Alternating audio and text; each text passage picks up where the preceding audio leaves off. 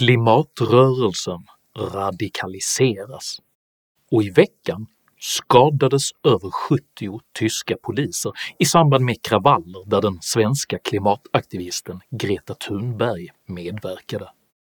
Vad är egentligen klimatradikalism? Hur ämnar klimatradikalerna uppnå sina mål? Och vad händer med ett samhälle om demokratin viker sig för radikaler? Dessa frågor tar jag upp i veckans videokrönika om grönt våld. Uppskattar du mina filmer så hjälper du mig att kunna fortsätta göra dem om du stöttar mig via något av betalningsalternativen här nedanför. Det är endast tack vare ert generösa och frivilliga stöd som jag kan fortsätta att utveckla denna kanal, så ett stort, stort tack till alla de av er som bidrar. Idag talar jag om retorik, radikalism och revolution. Häng med!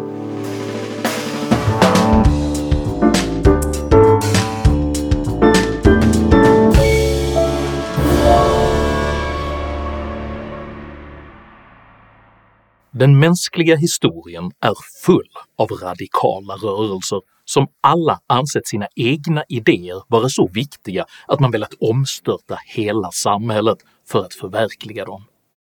Oftast med ganska tveksamma resultat. Den dygdens republik som Robespierre försökte instifta i samband med den franska revolutionen blev till exempel i efterhand känd som det blodiga skräckväldet. De röda khmerernas ambition att göra Kambodja till en agrar utopi ledde till massavrättningar och tvångsarbete. Och det kommunistiska Östtysklands försök att befria sitt folk från kapitalistiskt förtryck urartade snabbt till en grotesk totalitär övervakningsstat. Trots alla dessa historiska varningar fortsätter radikala rörelser att kräva omstörtning av hela samhället under förevändning att deras egna idéer är nödvändiga för mänsklighetens bästa. Samtidens mest radikala omställningskrav kommer från klimatrörelsen, som på bara ett par decennier har utvecklats från den gröna vågens hippiekollektiv till en våldsam aktivistisk kraft med krav på storskaligt omstörtande av hela den existerande samhällsordningen. Dessa attityder växer sig just nu allt starkare under den apokalyptiska föreställningen att de egna idéerna är så oumbärliga, de egna problemen så akuta och de egna lösningarna så nödvändiga att man är beredd att kompromissa med demokratin för att nå sina mål. Ett aktuellt exempel på just denna utveckling är hur ett 70-tal poliser nu i veckan skadades i samband med klimatkravaller i den tyska byn Lützerath, där även den svenska klimataktivisten Greta Thunberg fick föras bort av polis. Det är lätt att försöka släta över sammandrabbningar av denna typ med förklaringen att några enstaka rötägg förstör för en i övrigt fredlig klimatrörelse, men jag kommer i denna video att redovisa uttalade belägg för att våldsam radikalisering nu är klimatrörelsens medvetna strategi.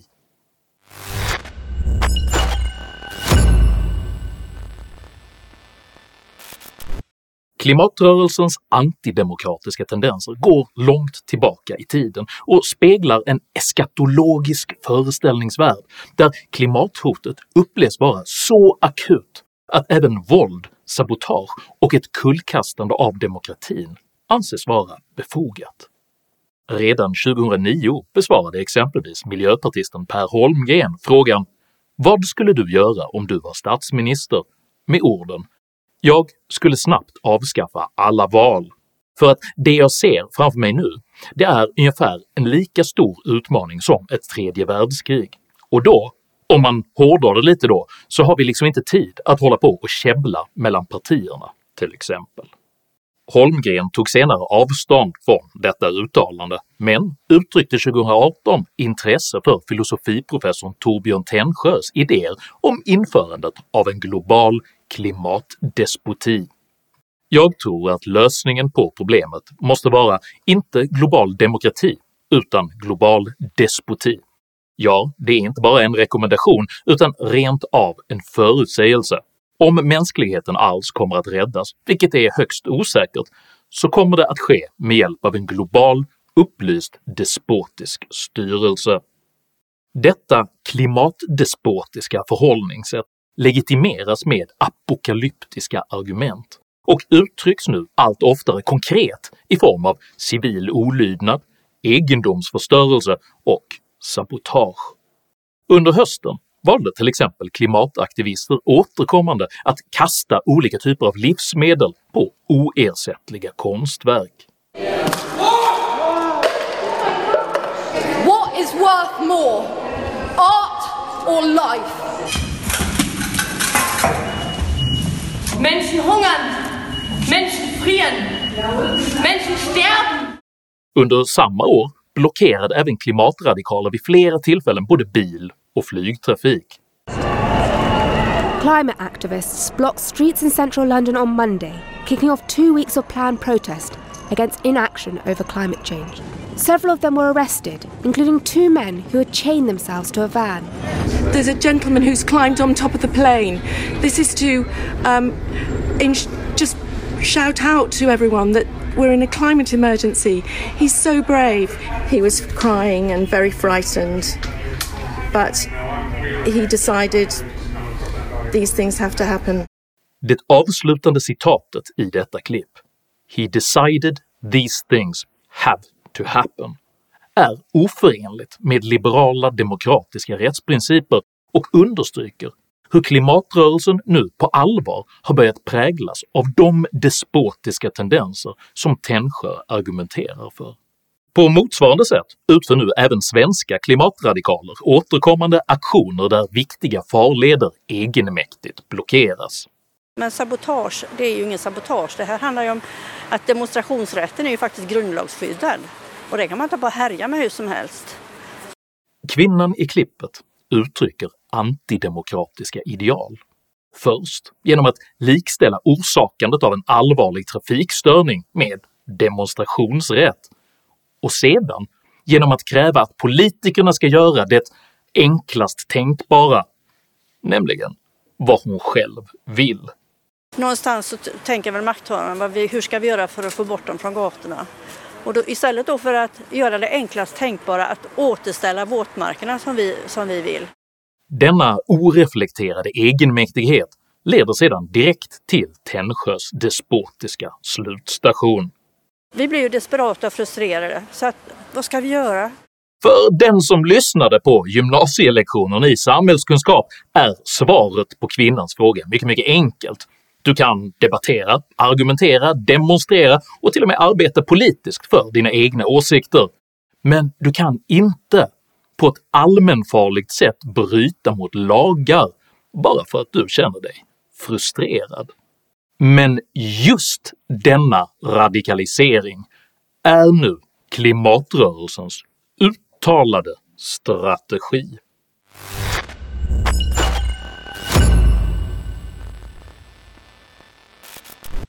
Det skattefinansierade studieförbundet ABF driver sedan 20 år tillbaka en politisk festival kallad Socialistiskt forum, vilken på ABFs egen hemsida beskrivs som en plats för progressiv debatt, folkbildande samtal och samling av den breda vänstern. Under programpunkten “Hur kan vi göra för att vinna klimatkampen?” Samlade årets socialistiska forum. Tidigare miljöpartisten och Greenpeace-aktivisten Carl Schlüter, det tidigare miljöpartistiska språkröret Isabella Lövin, humanekologen Andreas Malm och klimataktivisten Irma Källström. Samtalet inleds med att panelens animerade moderator Carl Schlüter fastslår att den kapitalistiska samhällsordningen förhindrar en tillräckligt radikal klimatomställning och därför måste krossas. Om vi har ett system som är designat för maximal tillväxt, ständig skuldökning som tvingar fram ännu mer tillväxt, eh, ett kapitalistiskt system som ökar klyftorna i dess själva funktion av hur man använder pengar, då är det ju kört. Det finns ju ingen chans att lösa klimatet inom de ramarna. Hur försvagar vi det här systemet så att det kollapsar? Kapitalismen kan undermineras från massa olika håll, massa nålstick. Underifrån lokal ekonomi, alternativa valutor, reformera banksystemet, gå från sidan, uppifrån, underifrån, från alla håll, bara krossa det. Andreas Malm förstärker sedan detta utspel med krav på att alla fossila energibolag måste nationaliseras och avvecklas. Vi kan inte ha företag som Exxon Mobil, Chevron, eh, Total, Shell, BP. Alla måste tas över och läggas ner och omvandlas till någonting annat. Det centrala kravet som måste resas här är att de här företagen tas över och nationaliseras, socialiseras och tvingas att avbryta sin olje och gasproduktion omedelbart. Malm anför dock reservationen att det ännu är oklart om kapitalismen måste avskaffas för klimatomställningens skull eller om det är klimatomställningen som kommer att avskaffa kapitalismen. Om själva avskaffandet råder dock enighet. Den delen av kapitalismen vet vi måste per definition avskaffas. Men vi vet inte per definition att en lösning av klimatkrisen också innebär att all kapitalism som sådan avskaffas. Det kan mycket väl sluta med det, men då är det en slutpunkt på en process som kanske börjar med att vi avskaffar just fossilkapitalet. Det före detta språkröret Isabella Lövin håller med om Malms analys eftersom hon menar att klimatomställningen inte kan vänta tills man genom revolution uppnått ett klasslöst samhälle. Väldigt glad eh, över din analys Andreas, för jag, för jag delar den. Att eh, det är inte så att vi kan skjuta upp eh, klimatomställningen, att vi, tar, att vi verkligen adresserar det här extremt akuta hotet som är här och nu till liksom en framtid, ett klasslöst samhälle när vi först ska göra revolution. Lövin funderar sedan högt över hur man egentligen kan förverkliga ett systemskifte bort från profit, vilket enligt Malm bör ske genom klimatrörelsens radikalisering. Ja, men hur motiverar vi då liksom ett, ett, ett systemskifte där inte profit står i, i centrum? En väldigt viktig trend är rörelsens radikalisering. Både retoriskt och ideologiskt, till exempel när Greta Thunberg rör sig mot explicit antikapitalistiska positioner som hon gör nu. Eh, men också taktiskt, praktiskt, när olika rörelser, Just Stop Oil i Storbritannien, Let's New Generation i Tyskland och så vidare, experimenterar med taktisk eskalering. Och de här trenderna tror jag kommer att förstärkas, därför att det är väldigt svårt att se någon annan utväg än att klimatrörelsen radikaliseras. Malm ser sedan ett behov av att utlösa större klimataktivistiska protester med hjälp av den tydligt radikala och militanta flank som redan är under utveckling i Europa. De kommande säsongerna av klimatkatastrofer som vi vet kommer vid någon punkt måste utlösa nya vågor av mobilisering liknande den som vi såg 2019. Men i större skala förhoppningsvis och med en mycket tydligare närvaro av en radikal flank eh, som redan är under utveckling i Europa. Nästa våg måste bli större och den måste bli mer militant. Klimataktivisten Irma Källström håller med Malm om detta och betonar vikten av att delar av klimatrörelsen nu utvecklar kapacitet att göra skarpare saker. Det finns absolut liksom strömningar eller rörelser i rörelsen som har en mycket tydligare eh, riktning eh, och är mer redo att, att göra liksom skarpare saker. Absolut, att det är under upp, uppväxt i alla fall. Och jag tror att det behövs. Det är naivt att föreställa sig att vi kan på något sätt vinna den striden utan att använda oss av väldigt radikala metoder. Efter detta uppmuntrar samtliga panelister direkt till att rikta in civil olydnad och egendomsförstöring mot fossila energibolag. Det är bra att man inriktar den eventuella civila olydnaden till exempel på de 100 fossila eh, stora olje-, kol och gasbolagen i världen. En del i det tror jag faktiskt är vad man kanske skulle kalla för en eskalering eller radikalisering av klimatrörelsen där man har tydligare mål, riktar sig mot fossil eh, infrastruktur till exempel. Jag måste, för att ägna mig åt direkt uppvigling, erkänna att när jag gick en liten promenad i, i morse så kom jag upp här till Rådmansgatan och där finns ett kontor som heter oljeinvest.se som ägnar sig åt att locka rika människor i Sverige att investera i oljekällor. Hur kan det företaget agera öppet? Och det är inte det enda exemplet på, på, på högkvarter för fossilkapitalet som vi har i centrala Stockholm. Men inte bara hur kan det agera öppet, hur kan, hur kan det ha skyltfönster som står helt orörda år efter år? När vi har... Man, man skulle gissa att det, att det fortfarande finns... Alltså jag, jag växte upp eh, politiskt på 90-talet och då, då, då såg vi till att göra saker mot saker som vi ogillar. Jag vill inte gå in på detaljer här, men den som Men vill veta förstår, mer om vad Andreas Malm lite antyder kan läsa om hur suffragetterna jobbade i England på 1800-1900-talet så får man en idé om vad de gjorde med skyltfönster. Malm förklarar sedan att den radikala flankens syfte är att tvinga fram stöd för den bredare klimatrörelsens krav, och Lövin fastslår skrattande att en sådan utveckling skulle störa det traditionella politiska arbetet. Ja, alltså teorin om en radikal falang, det är ju att när det finns en radikal falang eller flank så framstår mittfåran som mer acceptabel i maktens ögon. Damberg och Magdalena Andersson, hur tror du de skulle reagera om, om klimatrörelsen radikaliserades? Nej, de blir jättestörda. Malm summerar nu argumentationen genom att utöver traditionell aktivism även direkt uppmuntra till civil olydnad, egendomsförstöring och sabotage. Jag förespråkar inte, bara för att göra det väldigt klart, att alla måste ägna sig åt saker som sabotage eller egendomsförstörelse. Utan tvärtom, vi behöver hela vidden av insatser från parlamentariskt arbete via klassisk lobbying, folkrörelsearbete, fredliga demonstrationer, civil olydnad, hela vägen upp till egendomsförstörelse och sabotage. Alla citat i denna video är aktuella och autentiska och går i skrivande stund ännu att se på Socialistiskt Forums Facebook-sida. Därför har jag nu en direkt fråga till dig som är demokratiskt vald politiker, riksdagsman eller tjänsteperson. Jag högaktar åsikts och yttrandefrihet och anser att vårt demokratiska samhälle mår bra av att kloka och respektfulla meningsmotståndare tillåts drabba samman i en frodig och vildvuxen samhällsdebatt. Men är det verkligen lämpligt att ett av Sveriges största studieförbund tillåts använda skattemedel för att anordna en festival där radikalvänstern uppviglar ungdomar till egendomsförstöring, sabotage och ett indirekt kullkastande av den liberala demokratin.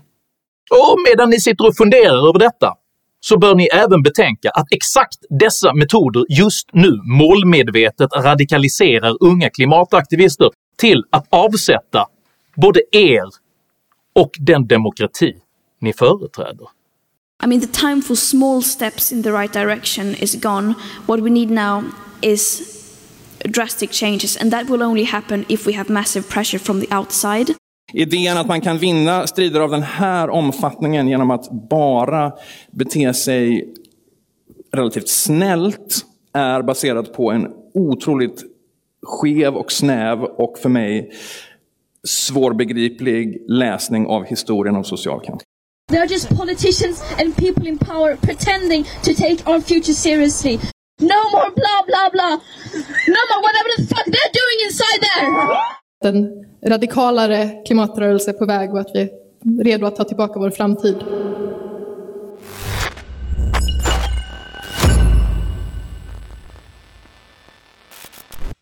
Denna video ifrågasätter varken klimatproblemen eller det faktum att människor har olika uppfattningar om hur dessa bäst bör hanteras. Den ifrågasätter däremot de radikala strömningar, rörelser och individer som anser sina egna idéer, övertygelser och lösningar vara så viktiga att de är beredda att åsidosätta demokratin. Och här går en hård gräns för nej, demokrati, äganderätt och rättssäkerhet är inte en kapitalistisk konspiration utan de grundläggande värden som bär upp hela den västerländska civilisationen. Och jag vänder mig därför nu direkt till dig som säger sig värna klimatet. Sverige släpper just nu ut mindre än 0,1% av världens sammantagna koldioxid. Detta innebär att om vi utplånade varenda svensk och alla svenskars bilar, fabriker, flygplan och motorgräsklippare så skulle detta sammantaget ha exakt noll betydelse för det globala klimatet. Faktum är att inte ens hela Europa står för mer än 9% av de globala koldioxidutsläppen och även denna siffra är hastigt fallande. Slaget om både klimat och utsläpp utkämpas just nu i Asien, för koldioxidutsläpp är ett fattigdomsproblem. Och nej!